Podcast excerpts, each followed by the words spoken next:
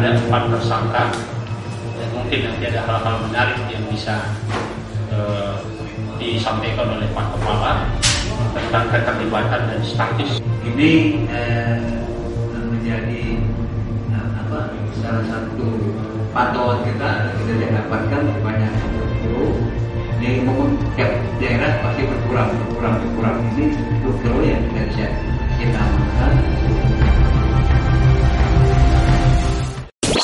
E-Radio 100% musik Indonesia. 89,6 FM e-radio 100% musik Indonesia. Balik lagi bersama saya listeners Kamal Rashid. Dan kali ini e-radio Namu Bertamu ke tempat eh, Ini dekat dari kantor sih sebenarnya kantornya eh, Di daerah Cawang. Kita sudah bertamu ke Badan Narkotika Nasional Yaitu atau BNN Dan kita sudah kehadiran kepalanya nih tuan rumahnya sudah ada di tengah-tengah kita dan di hadapan saya Pak Heru Winarko. Tepuk tangan mana tepuk tangan? Oh iya bagus bagus.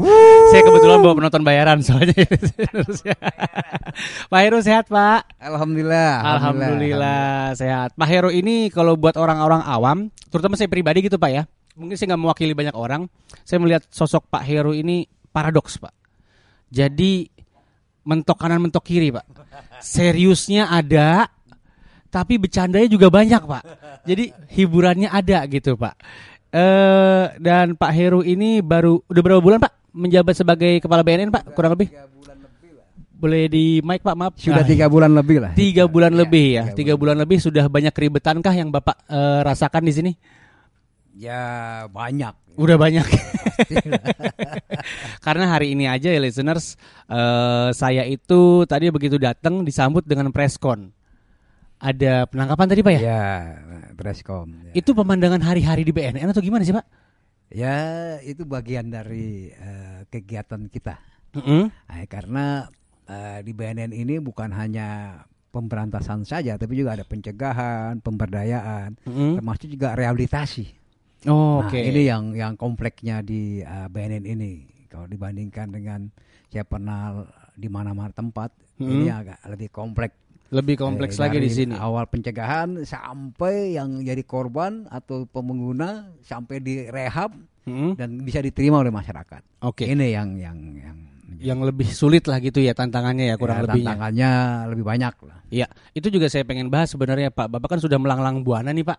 Dari mulai Kapolres pernah, Kapolda pernah, terus eh, Direktorat Ekonomi Khusus pernah, terakhir KPK juga pernah gitu untuk urusan eh, korupsi, pemberantasan korupsi.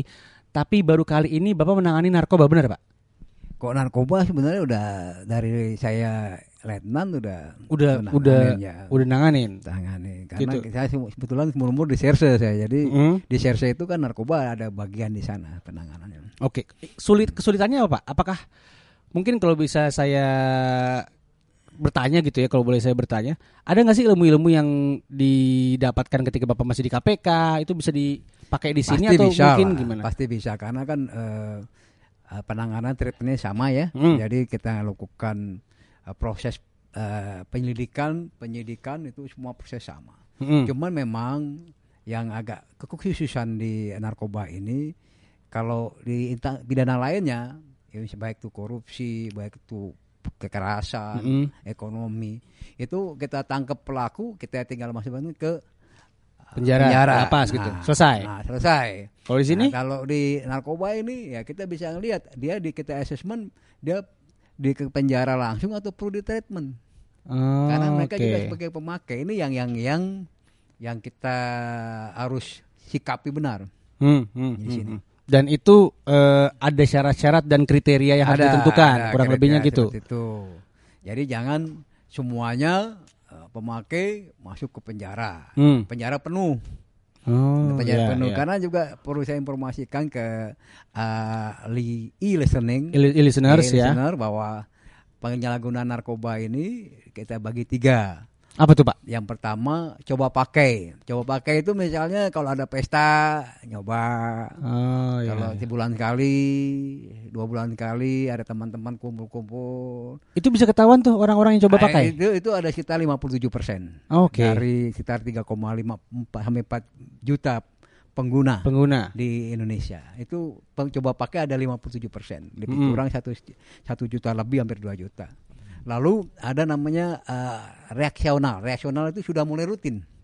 Mungkin Oh. seminggu dua kali. Iya iya. itu sekitar 27 persen. Nah pecandunya ada 16 persen. Bandar masuk mana tuh Pak?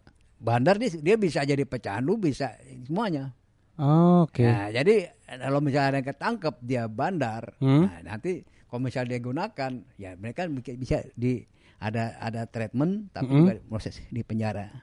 Oke. Yang kita yang kita takutkan adalah seseorang yang menggunakan yang baru coba pakai itu langsung dimasukkan ke penjara. Nah di penjara tidak melakukan treatment. Nah, ini yang Oh, kita oke. harapkan bahwa malah pengguna-pengguna coba pakai ini ya kita adakan pencegahan, kita bisa kembalikan mereka supaya menghindari teman anak muda yang ingin coba-coba segala macam. Hmm, jangan, Gitu. jangan sampai lah ya. mencoba. Jangan sampai coba-coba. Kecuali coba-coba yang lain ya. listeners Coba yang ya. lain belajar yang baik untuk Iya. ke depan. Nah gitu. Coba naik sepeda roda satu. Iya, iya.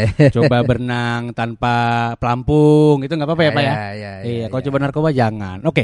Itu juga eh, kita pengen tahu lebih jauh lagi soal narkoba di Indonesia itu seperti apa. Saya agak kaget dengar angka-angkanya Pak. Ada 4,7 kurang lebih pengguna narkoba aktif di Indonesia tadi Bapak bilang. Sekitar sekitar 3,5 sampai 4 juta. 3,5 sampai 4 juta. Itu Iya. data yang terakhir. Iya. Wah, banyak sekali berarti ya. Dan itu dari berbagai umur tuh. Berbagai umur, kebanyakan anak muda. Aduh. Dan ada ya kayak kemarin saya di tempat rehab di di wilayah di luar Jawa. Hah? Umur 8 tahun sudah menggunakan semua nar- jenis narkoba. 8 tahun. 8 tahun. Semua jenis Semua jenis narkoba sudah dicoba sama dia. Termasuk apa panadol, biogesik gitu-gitu. Semuanya. Oh, semua. Semua sudah. Kok Jadi bisa, yang- Pak? yang itu prihatin. maksudnya itu karena dari keluarganya kah atau dia Ya. orang kurang mampu kah atau gimana? Kadang kebanyakan mereka dari eh, keluarga yang eh, apa yang tidak harmonis ya. Heeh. Tapi juga ada juga yang harmonis. Jadi nggak nggak mutlak persyaratan itu sebenarnya Iya, ya. Karena eh, sekarang ini kan penyebaran narkoba ini eh, bukan hanya di keluarga yang harmonis tapi juga pergaulan, lingkungan juga sekolah juga ini sehingga saya mengharapkan benar mengimbau ya supaya eh, sekolah-sekolah Hmm. lingkungan juga atensi masalah ini. Oke, nah itu juga mungkin yang jadi pertanyaan kita ya listeners sepertinya yang perlu eh, membantu Pak Heru ini nggak cuma satu dua ya. Hampir semua lapisan masyarakat tuh harus ngebantuin juga nih urusan narkoba dan Bapak juga harus kerja sama sama mereka gitu kurang lebih ya. Iyalah harus semuanya Harus ya. karena ini musuh kita bersama. Nah, itu dia listeners. Kita pengen tahu eh, seberapa ribet sih untuk menanggulanginya ini apalagi eh, untuk urusan pencegahannya gitu ya. Treatmentnya ke siapa aja, terus kebanyakan korban ini siapa aja. Abis yang satu ini kita lanjut lagi di iRadio Namu bersama Pak Heru Winarko.